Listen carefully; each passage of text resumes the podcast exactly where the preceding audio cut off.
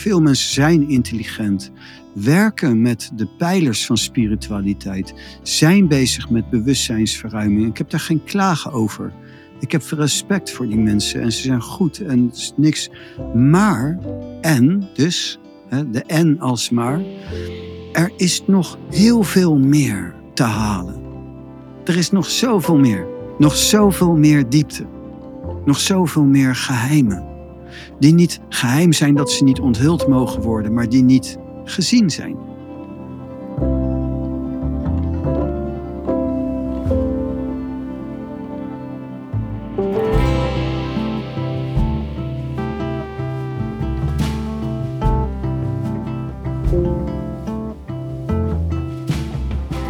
Deze podcastaflevering bespreek ik met Pranay het verschil tussen oppervlakkige en meer diepgaande spiritualiteit. Zonder te veroordelen, want de leer is er niet om te veroordelen, maar om te bevrijden. Toch is het wel interessant om uiteen te zetten wat de verschillen zijn tussen wat mensen spiritualiteit noemen en hoe je spiritualiteit veel meer in de diepte kunt ervaren. Aan het begin van het gesprek behandelen we dit thema met het subonderwerp zacht praten. Ik heb van Pranay geleerd om te oefenen zacht te praten als onderdeel van mijn eigen persoonlijke transformatieproces. En ik vraag aan hem in deze aflevering: ja, hoe kan het dat zoiets simpels als zacht praten je helpt transformeren? Het klinkt als simpelweg je stemvolume aanpassen. Dus hoe kan dat zoveel doen met je innerlijk? Nou, daar geeft Pranay antwoord op. Maar we hebben het bijvoorbeeld in deze aflevering ook over het verschil tussen een bedrijf bouwen, ondernemen, maar bijvoorbeeld ook een relatie bouwen met de touw en zonder de touw. Hoe kan het dat je met de touw veel meer in de diepte nog succes, vervulling en geluk ervaart en dus innerlijk opbloeit, terwijl je ook uiterlijk veel succesvoller kunt zijn en en als je onderneemt met de touw. Nou, ook daar ga je in deze aflevering weer meer over horen. Pranay. Hoi. Ik moet zacht praten. ja, dat moet jij hè? Ja, ik word afgericht. Nee, we hadden het daar vanochtend over en nu heb ik elke keer in mijn hoofd, mm. oh ja, zacht ademen, zacht praten. Klopt. Misschien kan je even uitleggen waarom zacht praten als je prana wil opbouwen, dan moet je je voorstellen dat je een energieballetje bent. En dat je dus intern in jezelf wil je energie opbouwen. En prana is, energie is heel erg bewegelijk en vluchtig. Dus ik spreek nu zo. En als ik zo spreek, laat ik de prana binnen. En ik bewaar het ene zo en de prana in mezelf, waardoor ik steeds meer energie krijg. En hoe zachter, hoe meer energie. Hoe zachter, hoe dieper. Je komt in de taal. En als ik zeg maar. Je zou zeggen, ja, het is maar praten, het is maar je stembanden. Het is ook een, een, een intentie van zijn. En, en als ik dit zeg maar veronachtzaam, zoals veel mensen spreken, ook bijvoorbeeld en ademen, dan uh, gaat het zo van, uh, nou, ik, uh, ja, ik, ik weet ook niet. En, en eigenlijk ga je ook energetisch, gooi je al je energie weg. Breng je naar buiten en, en het is heel erg, ja, hoe moet je dat zeggen? Ja, ik moet zeggen, ik luisterde laatst een podcast van iemand die inderdaad zo praatte. Dat doen natuurlijk heel veel mensen. En ik kon er echt niet naar mhm. luisteren meer. Ik vond het echt. nee. Mooi. Ja, het is echt een verschil. Want je wilt je energie bewaren en opbouwen. En je gaat het ook voelen. De trillingen, de resonanties in jezelf. Je ademt in aandacht. En plotseling word je prana gewaar. En prana in het lichaam is het allerhoogste genot. Het is een coolness van genot. Het is een volheid in jezelf, een, een extase. En dat is het voordeel van zacht ademen.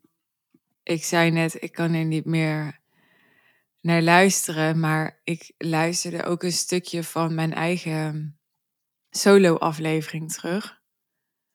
Van Mhm. eh, maandag, 8 januari. En toen, eh, ja, toen viel het mij ook op dat ik, dat ik niet zacht praatte. Nee. Ik heb hem ook geluisterd, maar ik vond hem wel leuk om te luisteren. En vind ik dan ook van mezelf irritant. Ja. Maar het is heel gaaf om te weten dat je dus door zacht ademen kunt verdiepen en kunt verfijnen. En energie kunt opbouwen. Belangrijk om energie op te bouwen in jezelf. Je, je wilt energie opbouwen. Is het echt zo simpel als alleen zacht praten? Want je zegt net zelf al, het is een intentie van zijn. Dus Ga maar doen. Klopt. Het is ook op basis van bewustwording en de, de hele dharma.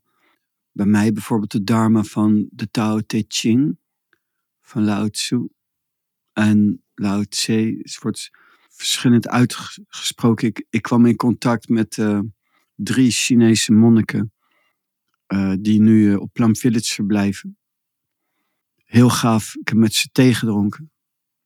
En, ehm, en die spraken Lao Tzu op een bepaalde manier uit. Lao Tse, ik kan het niet meer, ik kan niet goed herhalen, want het is toch, Chinees is niet zeg maar mijn beste taal. het is wel heel leuk, eh, maar, en die spreken dat dan op een bepaalde manier uit. En, nou ja, daar moest ik even aan denken. Lao Tse. En, ja, je hebt een strategie nodig. Het is niet zo eenvoudig. De Tao Te Ching van Lao Tse. Het was eigenlijk alleen maar een anekdote om aan te geven dat ik Lao Tzu. Eh, ik zeg altijd Lao zelf. En ik weet niet nu hoe je het moet uitspreken. En, maar ik blijf maar zelf Lao zeggen dan.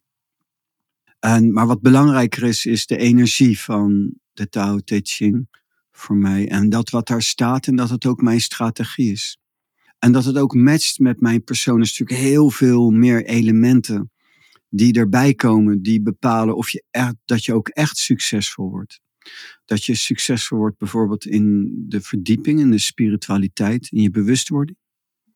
Maar ook bijvoorbeeld in, in, in het hele leven met business, bijvoorbeeld ook.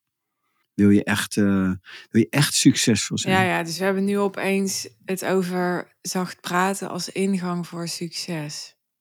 Ja, dat is absoluut uh, de poort naar um, verdieping. Als je zeg maar in je bewustzijn wil laten groeien, dan kom je steeds meer in contact met beperkte banden. En je hebt kracht nodig om die beperkte banden te weerstaan. Een, een beoefenaar in het mystieke, die daagt zijn vijanden uit, maar moet ze ook overwinnen. Zijn innerlijke vijanden. En als je zacht gaat ademen op de juiste manier, in een juiste intentie, dan kom je onder hoogdruk te staan. Want je, want je wordt kriegelig, zeg maar. Snap je? Je wilt een catharsis. En, en het is veel moeilijker dan dat je denkt. Als je, het is bijvoorbeeld vanuit de didgeridoo, nooit vergeten. Vroeger in Leiden, in de Donkersteeg, zat een, um, een man met een didgeridoo te spelen. En didgeridoo is ook net als door een rietje ademen, zeg maar. Dat, dan, dan verhoogt dat uh, druk intern in jezelf. En hij zat te spelen en te spelen. En na uh, uren spelen stond hij op en dan kreeg hij een enorme boosheidsaanval. En dat werd steeds erger tot hij op een gegeven moment met die didgeridoo een winkelruit kapot sloeg. Toen heeft de politie hem weg moeten halen. Ik kan nog vroeger in Den Haag weten dat we met een groep gingen we met een groep gingen we de hele nacht door de Gayatri reciteren. De Gayatri mantra is de krachtigste mantra die er is. Is de koningsmantra onder de mantra's. En dat sommige mensen al na een paar uur helemaal doorsloegen. Door de teveel van energie. En dus als je op basis van adem in aandacht. En je ook echt verdiept in bewustzijn, leven in aandacht. Zacht gaat ademen Je denkt het is een eenvoudige oefening, maar als je het echt uitvoert, komt er heel veel vrij. Gebeurt er heel veel. En dat is heel gaaf. Maar ook uitdagend. En het is wel nodig, want je moet energie opbouwen. Je persoonlijke macht moet groeien. Anders kan je niet iets creëren. In de spiritualiteit niet. Maar eigenlijk ook niet echt heilzaam vanuit de taal gezien. Ook niet een relatie. Ook niet een uh, business. Niets niet. En wat is het verschil nog even van een business of een relatie vanuit de taal en een business of een relatie niet vanuit de taal? De harmonie. En de diepe vrede en de transformatie. Dat je in je relatie, in je business ook groeit in je bewustzijn. En groeit in je innerlijke vrede, ook los van de vrede die ook losstaat van je relatie of je business of wat dan ook. En dus dan heb je een opbouw in jezelf. Je gebruikt je business als reflectie, als spiegel, om je innerlijke vrede te vergroten, waardoor je ook losser komt van je business. En losser is niet tegen. Waardoor je dus ook meer kansen krijgt vanuit meer losheid, om nog meer te kunnen spelen en nog meer te kunnen creëren. En het klinkt tegenstrijdig, maar het is heel logisch. Het is een kunst van het relativeren en het losser zijn. En dat is niet tegen om beter te kunnen spelen. Beter het spelletje te kunnen spelen. En dat is twee vliegen in één klap. Je groeit in innerlijk en je groeit in het uiterlijk. Taal en business is groeien in innerlijk en uiterlijk. Veel mensen in de spiritualiteit groeien innerlijk doordat ze het uiterlijk verzaken. Dat kan. En veel mensen groeien in het uiterlijk omdat ze het innerlijk verzaken. Dat kan. Dan kies ik voor het innerlijk. Um, maar het nieuwe is beide.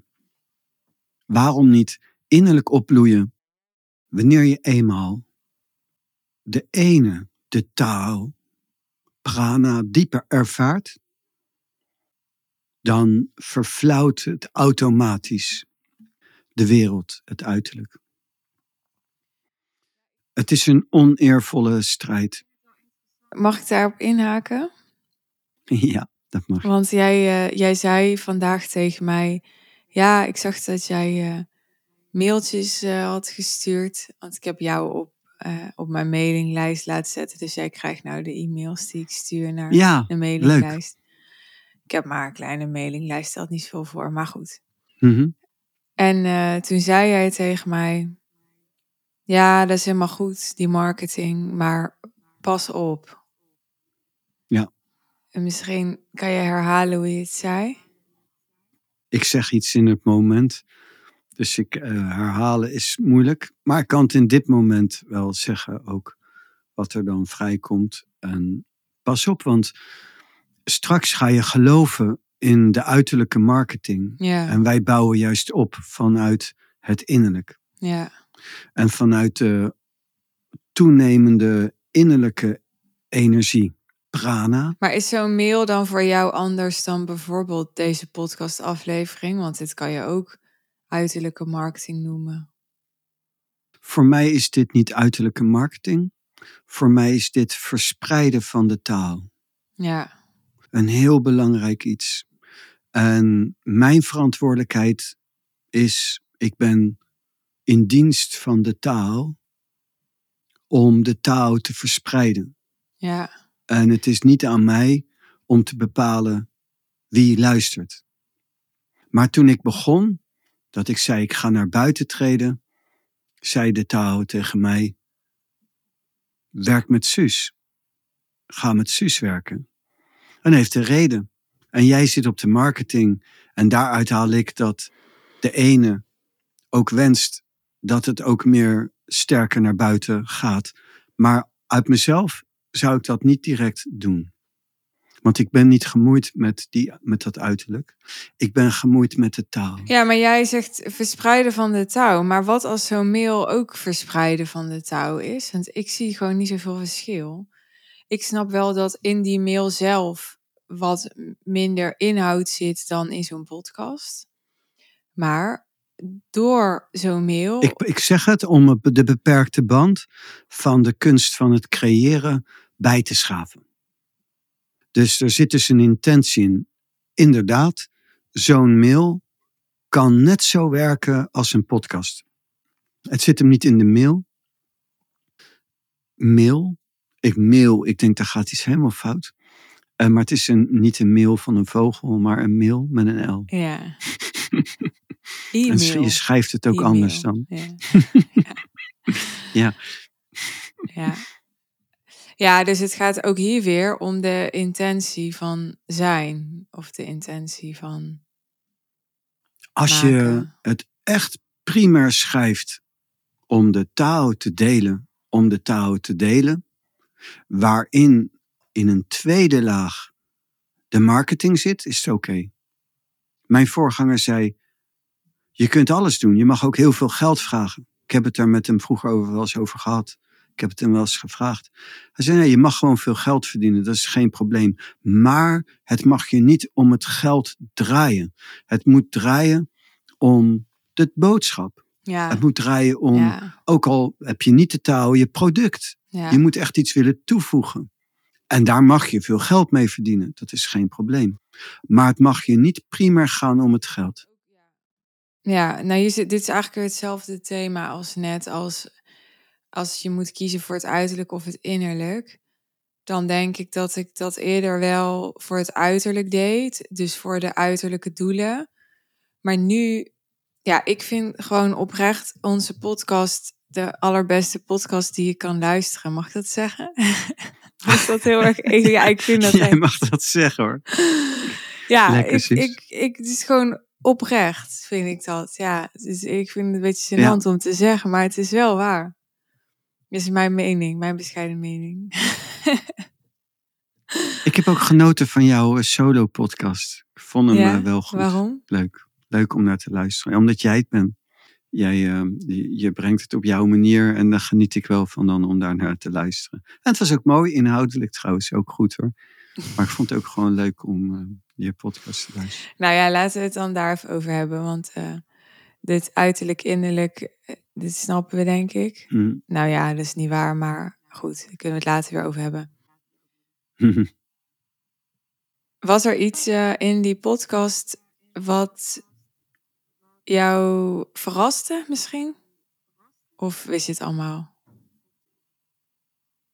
nee, ik heb niet direct iets. Doe je ergens op? Wil je ergens naartoe? Nee, nee, nee, nee. Maar ik ben gewoon benieuwd of Oh. ik heel voorspelbaar ben of dat er toch nog iets, eh, ja, Nee, ik vond het juist heel mooi, heel puur en open. Heel gaaf hoe je dat doet. Ja. Nee, heel mooi, die, die vijf punten en dan ehm, de manier waarop je dat brengt. Heel gaaf juist, heel ontwapenend. Dus dat is juist eh, heel mooi eigenlijk. als je zegt juist heel mooi, dan klinkt het alsof het niet mooi zou zijn. Alsof je iets tegenspreekt. Nee, ik eh, reageer op jouw vraag. En, dus je brengt iets naar voren. En ehm, was er iets wat je verraste of iets? En dan wil ik juist benadrukken dat het heel goed was. Heel mooi. En, en als reactie op jouw vraag. Maar niet ehm, dat er iets niet mooi is of zo. Het is juist heel gaaf. Het is mooi om ook de social media en alles wel te gebruiken voor de goede zaak. Toen ik eh, in India vroeger kwam, noemde Sai Baba televisie bijvoorbeeld telegif. En ehm, dikwijls wordt het nieuws en internet en alles gebruikt ja, voor niet zoeken verrijkende doeleinden. Hmm. Maar er zitten ook heel veel mogelijkheden in. Dus je kunt er ook heel veel goeds mee doen. En dat is heel gaaf. Maar het vraagt heel veel ja, zelfdiscipline ook. Toch? Nou, ik weet niet of dat zelfdiscipline is. Voor mij is zelfdiscipline, begrijp je wat je bedoelt, is meer opgebouwd. En, ehm, als je de taal ontdekt, als je de ene ontdekt, als prana in je vrijkomt, gaat daar automatisch je hart zitten. Dus wat ik er straks ook al probeerde aan te halen. Het is een, de wereld die redt het gewoon niet bij de taal, bij de ene. Er is iets wat zoveel sterker is dan geld, dan Aandacht, macht, status. aandacht, seks, wat dan ook. Drugs, alcohol. Het zijn allemaal leuke dingen. Ja, dus jij wil zeggen, ik hoef daar helemaal geen zelfdiscipline voor op te brengen. Precies. Als je Ja. eenmaal in contact komt met de ene, en het is een werkelijke manifestatie, dan is je aandacht daar ook. Mhm. Ik zeg vaak, ik kan wel herkennen als mensen een godservaring hebben gehad. Want die heb ik zelf heel veel. En, en dat neemt je totaal in beslag. Het is zo, je gaat eigenlijk niet je zintuigen terugtrekken van de wereld omdat je nou eenmaal iets wil bereiken. Je gaat niet je tuchtigen omdat je nou eenmaal ver wilt komen op spiritueel vlak. Dat is niet de weg. Maar het is zo, je gaat iets zien. Je wordt je bewust van het licht. De ene. De taal. God. En die is mooier dan alles wat je ooit gezien hebt. Ja, En dat ga je aanhangen. ja. Ja. Nou ja, ik heb bijvoorbeeld geen televisie, maar dat is niet vanuit een soort morality of zo van, oh, dan, dan ben ik een beter mens, want ik heb geen tv. Nee, ik wil Precies. echt geen tv in huis. Ik word daar echt gestoord van. Want je zet het niet af op de televisie. Je zet het af op bijvoorbeeld rust. Ja, precies. Ja. Dus je ehm, gaat automatisch, als je in contact komt met de ene, ga je het ene. Het, de ene zijde laat je automatisch gaan en het andere verwelkom je. Ja, maar een stap verder is toch, want ik zeg dan, ja, een beetje overdreven natuurlijk. Ja, ik word daar echt gestoord van. Maar als je echt met de touw bent, Mhm. dan kun je juist ook weer heel veel meer hebben, toch? Van het, vanuit het wereldse. Ja, precies. Ehm, dan, als je dat zegt, dan denk ik aan ehm, No Death, No Fear. Een boek van Tai. Maar is dat dan ook in een bepaalde volgorde? Dus is het zo dat je eigenlijk eerst je helemaal zou moeten focussen op zijn met de touw. En dat je dan op het moment dat je de touw of de ene gevonden hebt, dat je dan weer ook veel meer je kunt permitteren in het wereldse. Zit daar een soort volgorde in? Dat is. ehm, ik ben een tantrist. Ik ben tantrisch opgevoed. Dus ik heb het anders gedaan. Maar de meest veilige en directe weg is. eh, zoals die monniken met wie ik sprak, daar heb ik het ook met ze over gehad. En zij zijn ingetreden en zijn eerst twee jaar intern gegaan. Dat ze in een ruimte gingen zitten, twee jaar lang alleen maar mediteren. Zonder Ja. contact, nauwelijks of geen contact met de buitenwereld. En dat deden ze om. Je kan daar toch een beetje jaloers op zijn, wel als je dat zegt. Terecht. Want als je ze, ik heb ze ontmoet en ik ga ze nog wel een keertje ontmoeten. Ik- We houden wel contact. Ehm, ze zijn echt indrukwekkend. En zij zeggen ook, zij zeiden ook van kijk, dat doen wij in het, onze traditie om los te komen en om ons te vestigen in de ene. Even met mijn woorden gezegd. En daarna, als je gevestigd bent, nu zijn we, treden we meer naar buiten. En ze zitten daar voor een half jaar in Plum Village. En ehm, daarvoor ga ik ze nog wel een keertje zien. Ook. En ze hadden het zelfs over misschien wel naar Nederland te komen voor, ehm, wie weet, om ze hier nog eh, te ontmoeten. En, maar dat weet ik niet hoor. Maar dat, dat hebben ze geopperd. Maar je weet nooit eh, hoe dat loopt allemaal. Maar. En met die basis, dan kan je meer naar buiten toe. Dat is veel veiliger. Tantra is link, want dan begin je eigenlijk buiten. En dan moet je dat gaan transformeren. En dat, dat is dik minder veilig. Minder makkelijk. En weinig mensen komen daar doorheen. Dat is mij wel gelukt, maar het is weinig. Ja, je noemt nou even tantra, maar... Ja. Wat versta jij onder tantra? Want mensen denken toch bij tantra aan seks, denk ik. Ah ja, nee, het ging niet over seks. Nou, goed dat je dat zegt. Ik heb het tantra leren kennen vanuit het boeddhisme, het tantrisch boeddhisme. En het tantrisch boeddhisme gebruikt de vorm. En die gaat dus in de vorm transformeren. En dat is dus niet uh, per se seks. Maar ik heb dat gedaan met yoga.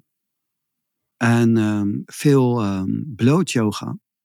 En mijn voorganger, en ik ging opeens heel snel vooruit op bepaalde aspecten in de leer. En iedereen kwam naar me toe van, hoe kan dat? Hoe kan je zo snel vooruit gaan? Toen zei nou ja, ik ben bloot yoga gaan trainen, maar zonder seksualiteit, zonder dat je met jezelf speelt of zo. Het is echt, echt puur yoga. En toen gingen meer mensen dat doen. En mijn voorganger die zag dat en die zei op een gegeven moment, luister, ik wil dat iedereen zijn pak aanhoudt. Behalve Kampinga. En ik denk ook dat, uh, behalve ik, en, en dat hij dat zei om, ik ben er doorheen gekomen, maar het is heel moeilijk om daar doorheen te komen. En uh, beter, beter is zoals die monniken het hebben gedaan. Eerst terugtrekken om, om een bepaalde basis te hebben. En dan kan je naar, meer naar het uiterlijk. Maar als je bij het uiterlijk begint, dan ben je te veel gericht op het uiterlijk. Maar mijn doel was heel duidelijk al vroeg. Heel vroeg al. Ik weet, ik weet, ik weet al mijn hele leven. Mijn hart zit bij God. En bij de ene.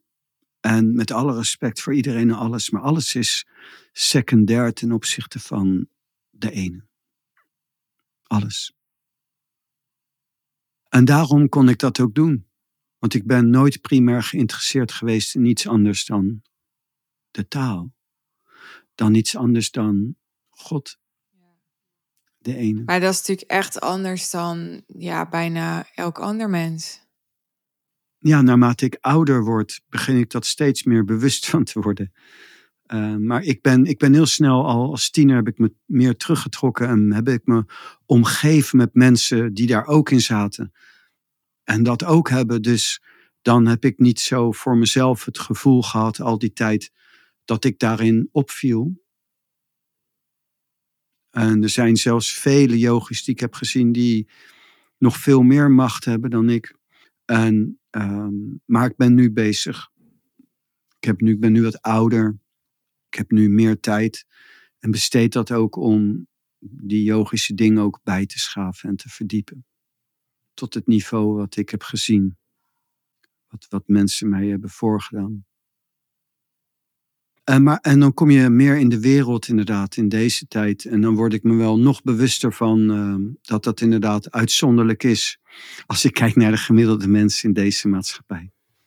Dat, dat wel. Maar daar, ja, ja, daar heb ik nooit naar zo op gelet.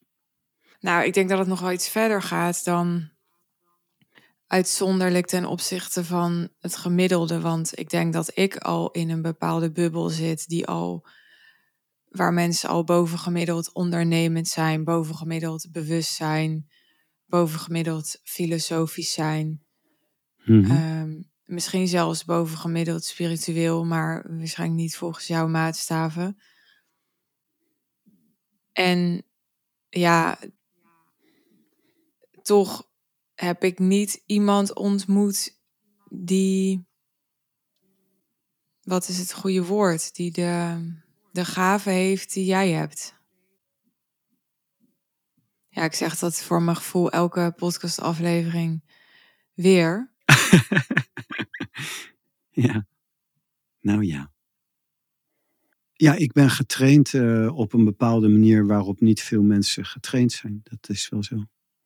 Nou ja, ik bedoel eigenlijk te vertalen, daarom zeg ik het elke keer, omdat jij ook elke keer zegt waarop niet veel mensen getraind zijn. Maar dan denk ik, nou laat ik even mezelf als referentiekader nemen. Ja, er zijn ook niet veel mensen zo succesvol geworden met een coachingsbusiness als ik.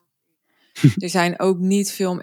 snap je? Ik neem even mezelf nu als voorbeeld, maar ik kan zo tien andere voorbeelden noemen. Er zijn natuurlijk heel veel mensen waarvan je kan zeggen, ja, er zijn niet zoveel mensen en die hebben dat gedaan of dat bereikt. Ja, Daar mooi. ken ik er genoeg van. En toch, ja, vind ik niet dat jij daarmee te vergelijken bent.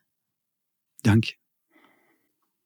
Ja, ik bedoel het niet om jou te vereren of zo. Dat is niet het doel. Maar Mhm. nee, het is, nee, nee, dat snap ik wel. het is meer het verfijnen van, van wat we hier zeggen.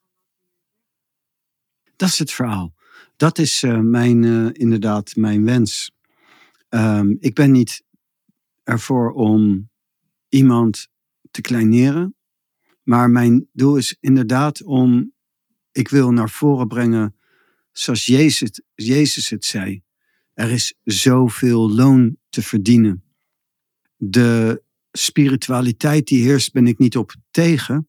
Maar het is in mijn ogen dikwijls erg oppervlakkig. En dan bedoel ik niet te zeggen dat die mensen oppervlakkig zijn. Ik bedoel te zeggen dat er veel meer uit te halen is.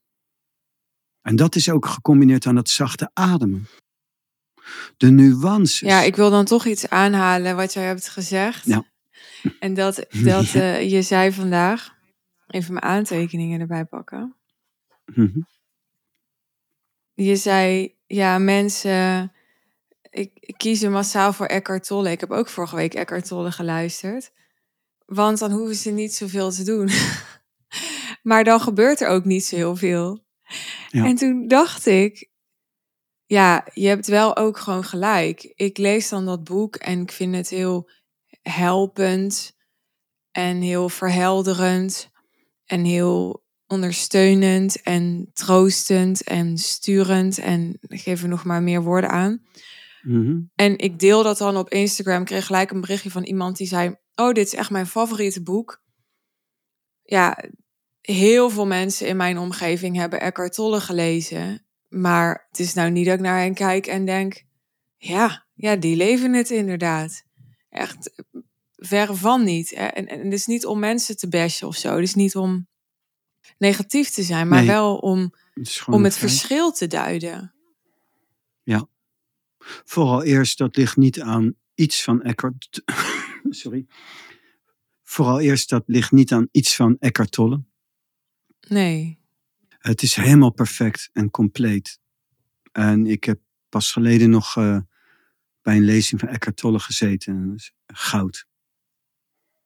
Helemaal goed. Maar je moet het wel doen. En de moeilijkheid is van de zen, dhyana. Zen komt van het woordje dhyana, uit het Sanskriet. En dhyana is een eh, vorm van yogische concentratie, die pas vrijkomt als je je zintuigen, teruggetrokken hebt van de wereld. Wordt vaak gezegd als je in het reinen bent met je seksualiteit, in de breedste zin van het woord. En waardoor je eh, heel kort gezegd eigenlijk de vrede echt daadwerkelijk in jezelf zoekt en niet in anderen. En niet in iets anders. Nou ja, dat is wel iets. Er is inderdaad helemaal niks mis met Eckhart Tolle, ook wat mij betreft niet. Maar wat er wel, Nee. denk ik, misgaat in het interpreteren van boeken in zijn algemeenheid, is dat het heel vaak, denk ik, onvolledig is. Want ik heb dan jou, ik kan elke dag met jou praten. Het is volledig als je het gaat uitvoeren. Ja, maar dan moet je wel precies weten wat je moet uitvoeren en hoe je het moet uitvoeren. En zoals Ja. ik het lees, staat het vaak toch in een boek niet zo specifiek of gedetailleerd genoeg omschreven, waardoor je het nog steeds op heel veel manieren kan interpreteren. Zeker als je een beetje een slimme geest hebt. Dus je raakt toch helemaal zomaar op een spoor wat. Mijn voorganger zei, eh, je kunt dat niet zonder begeleiding, want je haalt het er niet uit. Precies. Een hele enkeling haalt het eruit. Ja. Absoluut waar. Daarvoor heb je ook in het boeddhisme de drie juwelen, noemen ze dat. De kracht van de Boeddha. De kracht van de Dharma. En de kracht van de Sangha. Drie juwelen. Je hebt eerst een voorganger, Boeddha. En Boeddha is eh, bijvoorbeeld Eckhart Tolle zelf. Een Thai. Een Osho. Ja. een Jezus. Zij leven de realiteit, zijn belichamingen van de waarheid. De dharma is de wet. En de wet is heel belangrijk. Want als je de wet kent, de natuurwetten, als je die wetten kent, kun je jezelf heel veel leed besparen. Heel veel. Het is echt een zegen voor de mensheid als je je daarin gaat begeven. En dan de wet, de, de juweel van de Sangha is de bijeenkomst. Als je samen beoefent, zit daar een enorme kracht in. En dus waar twee vergaderd zijn of meer, in mijn naam ben ik in hun midden, de communiteit, wat, wat ook wel de Sangha in het boeddhisme wordt genoemd. De Sangha. De Boeddha, de Dharma en de Sangha. De drie juwelen. En als je niet die drie juwelen hebt, wordt het eigenlijk niet mogelijk. Het is mogelijk technisch, maar in de praktijk zie je het eigenlijk nooit gebeuren. Maar het is wel grappig dat wel zo'n boek als De kracht van het nu zo massaal verkocht wordt, terwijl dus eigenlijk bijna niemand het eruit haalt.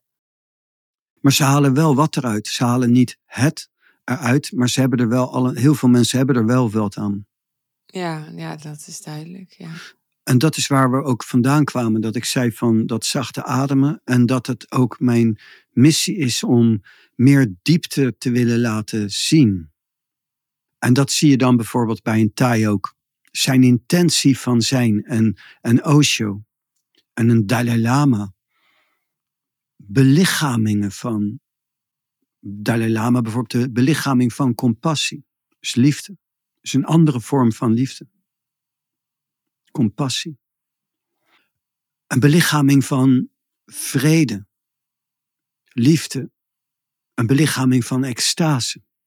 In mijn geval meer extatisch zijn, stoned. En dat is um, voor iedereen haalbaar. En dat kan je bereiken door zachte ademen. En dan kun je ontzettend veel mee bereiken. Veel meer nog. Dus ik ben niet tegen de mensen. Ik ben voor Eckhart Tolle. En Eckhart Tolle is een groot voorganger. En de kracht van het nu is een volwaardig boek. En iedereen die dat leest en daar wat aan heeft, heeft daar wat aan. En ik heb dan niet iets tegen wat ze eruit halen.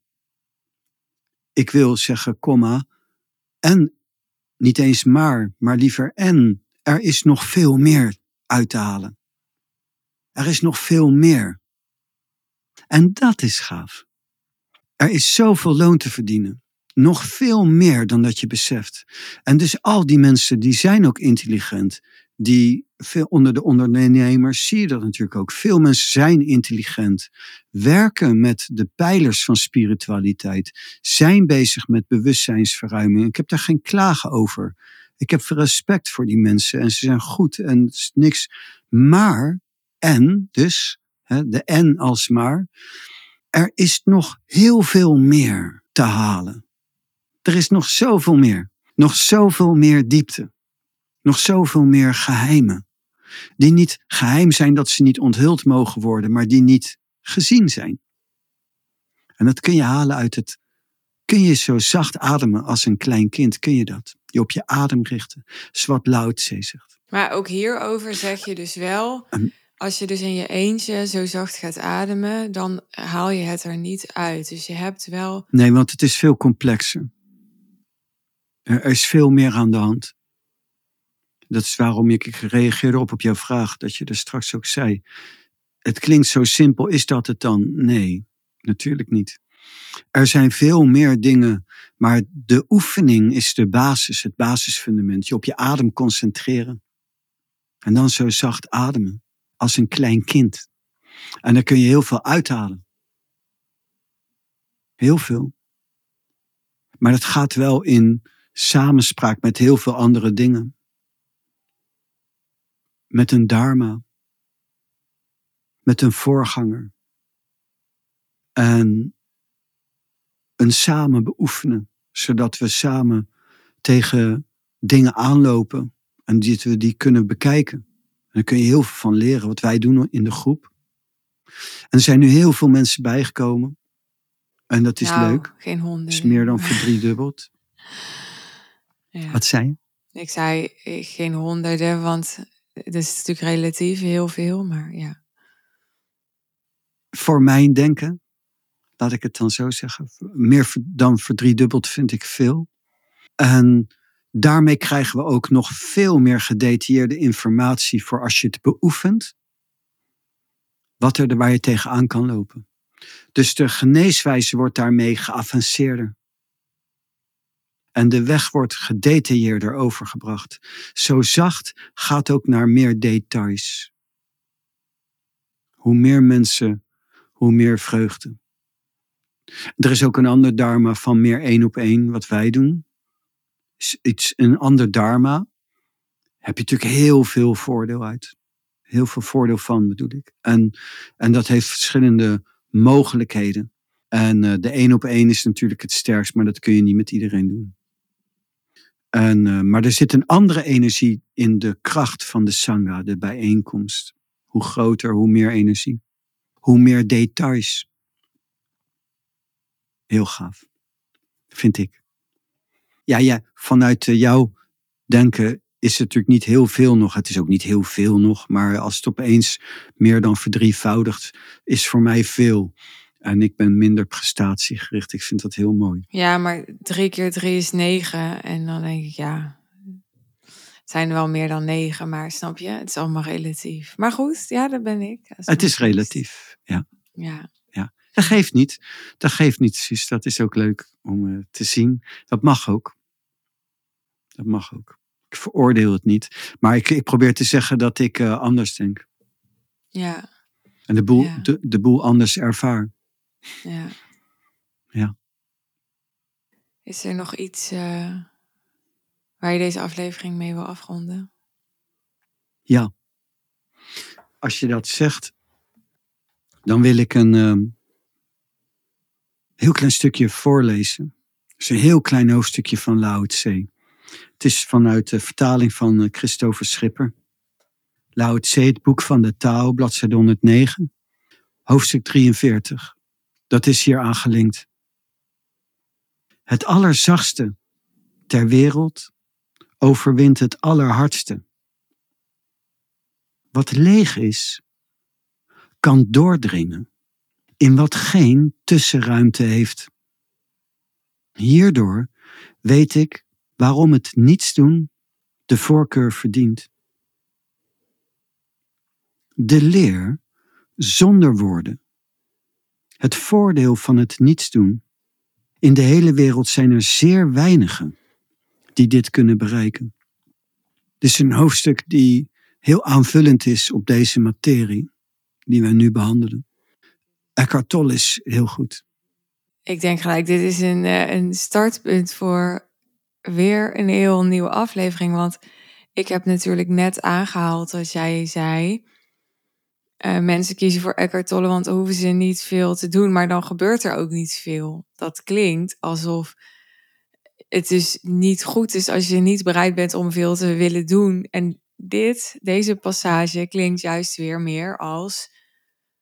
Het is juist goed niet iets doen. Juist, daarom wil ik hem ook eh, aanhalen. Om het aan te vullen. Ja. Ik, als ik, ik praat zonder oordeel. Dus ik ben niet tegen. ja, want ik vind het zo grappig uit jouw mond dat, dat allerzachtste, omdat ik weet dat jij ook super hard kan zijn. Dus het is niet zo dat jij ja, een ambassadeur bent van alles wat zacht is in de wereld of zo. Dat is niet hoe ik naar jou kijk. Nee, dat snap ik. Dit is ook één hoofdstuk vanuit het Ja, maar boek. daarom noem ik het er even bij, omdat mensen gaan anders met dit aan de haal, alsof dit dan dus de Holy Grail is. Maar het is eh, een, se- een segment, noem jij dat dan toch? Ja, als je echt geïnteresseerd raakt, moet je de uitleg altijd brengen in verband met elk hoofdstuk. Ja, De hele leer. ja, En als je er iets van die leer vergeet, of er iets aan toevoegt, dan werkt het hele systeem niet meer. nee. Dan, dan word je om je oren gegooid met alle ellende die er maar bestaat. En dat is de, Daarom moet ik ook een jaar hier zitten om het te leren. Dan heb je de basis, ja. Ja, ja. ja. Ja, Ik heb jaren, jaren geleerd onder meesters. En nog steeds ehm, op een andere manier dan vroeger. Ja, ik vind het belangrijk om dat toe te voegen, omdat ik gewoon weet, er zijn gewoon anders mensen die luisteren naar, die horen dat en die denken dan, ja, zie je wel, ik hoef helemaal niet zo hard te werken en ik hoef helemaal niet dit, ik hoef helemaal niet dat. En misschien is het zo, maar misschien ook niet. Nee, het is maar wat je wilt. Maar als je echt veel wilt in, in het mystieke, dan, dan is het gewoon knoerthard werken. Ja, maar goed, nu heb jij het opeens over mystieke en uh, dat is voor jou heel duidelijk wat dat is. Maar dat, ja, ik denk dat er weinig mensen naar deze podcast luisteren die wakker worden en denken, ja, ik wil me vandaag weer eens graag verdiepen in mystiek. Ik denk dat er niet zoveel zijn, maar misschien vergis ik me. Kan. Dat denk ik ook. Heel weinig. Er is heel weinig animo voor. Dat is waar. Maar dat houdt niet in dat de taal anders is. En los van iedereen, ik breng de taal. Ik ben niet voor de mensen, ik ben voor de taal. Ja. Mijn, mijn hart zit bij God. En ik vertegenwoordig God. En ik kan uh, veel doen, maar ik kan niks verdraaien. Ik, uh, ik heb mij te houden en ik wil dat ook. Ik heb, het is niet zo dat ik dat opgelegd is en dat ik dat met tegenzin doe. Mijn hart zit ook bij God. Bij de taal, bij de ene. En dat is uh, mijn hart. Ja. Dus die bescherm ik. Die vertegenwoordig ik. Daar leef ik voor. Dankjewel. Jij ook. Dit was aflevering 438 van de Suus en Pranay podcast. Leuk dat je hebt geluisterd. Als je nog geen abonnee bent en je wilt op de hoogte blijven van nieuwe afleveringen, je kunt je abonneren via iTunes of volger worden op Spotify. Wij hebben ook een groep, de Suus en Pranay groep, waarin we bij elkaar komen. Ook in deze aflevering ging het daar weer over. Elke dinsdag en donderdagavond van 8 tot half 10 op Zoom is er de Suus en Pranay groep waarin je persoonlijk door ons begeleid wordt om uh, te verdiepen. Te verdiepen in het leven, te verdiepen in zaken, te verdiepen in succes, in vervulling, in geluk. In deze aflevering is denk ik weer heel duidelijk geworden wat het verschil is tussen manifesteren in het wereldse zonder de touw en met de touw. En wij helpen je met onze groep om dit te doen met de touw, waardoor je veel dieper kunt genieten en vervulling kunt ervaren. Harmonie kunt ervaren ook met jezelf, met je omgeving, met alles wat er is in de wereld. Terwijl je ja, ook alles bereikt in het uiterlijk waar jij van droomt. Als dit interessant voor je is, laat het mij weten. Laat het ons weten. Je kunt een e-mail sturen naar hello@suzannevanschuik.nl om je aan te melden. Of stuur mij een berichtje op social media. Onze contactgegevens vind je ook terug in de show notes. Je investering om bij de groep te komen is 1000 euro ex-BTW per maand. En daarvoor krijg je naast de twee online sessies die we wekelijks faciliteren, ook een verdiepende audio die Pranay wekelijks opneemt, waarin hij jou begeleidt bij de beoefening, die onder andere ook in deze aflevering weer besproken werd. Dus dat kan zijn het zacht praten, het zacht ademen. Maar ja, dat omvat veel meer begeleiding dan veel meer woorden ook dan dat wij even zo in, uh, in een aflevering met je kunnen delen. Dus daar gaan we met je aan werken als je bij ons aansluit. Dat kan vanaf een termijn van zes maanden voor dus 1000 euro ex-BTW per maand. Je bent super welkom als je denkt, ja, dit is voor mij. En als je nog een vraag hebt, laat het me weten. Graag tot de volgende aflevering. Mooie dag voor je. Bye bye.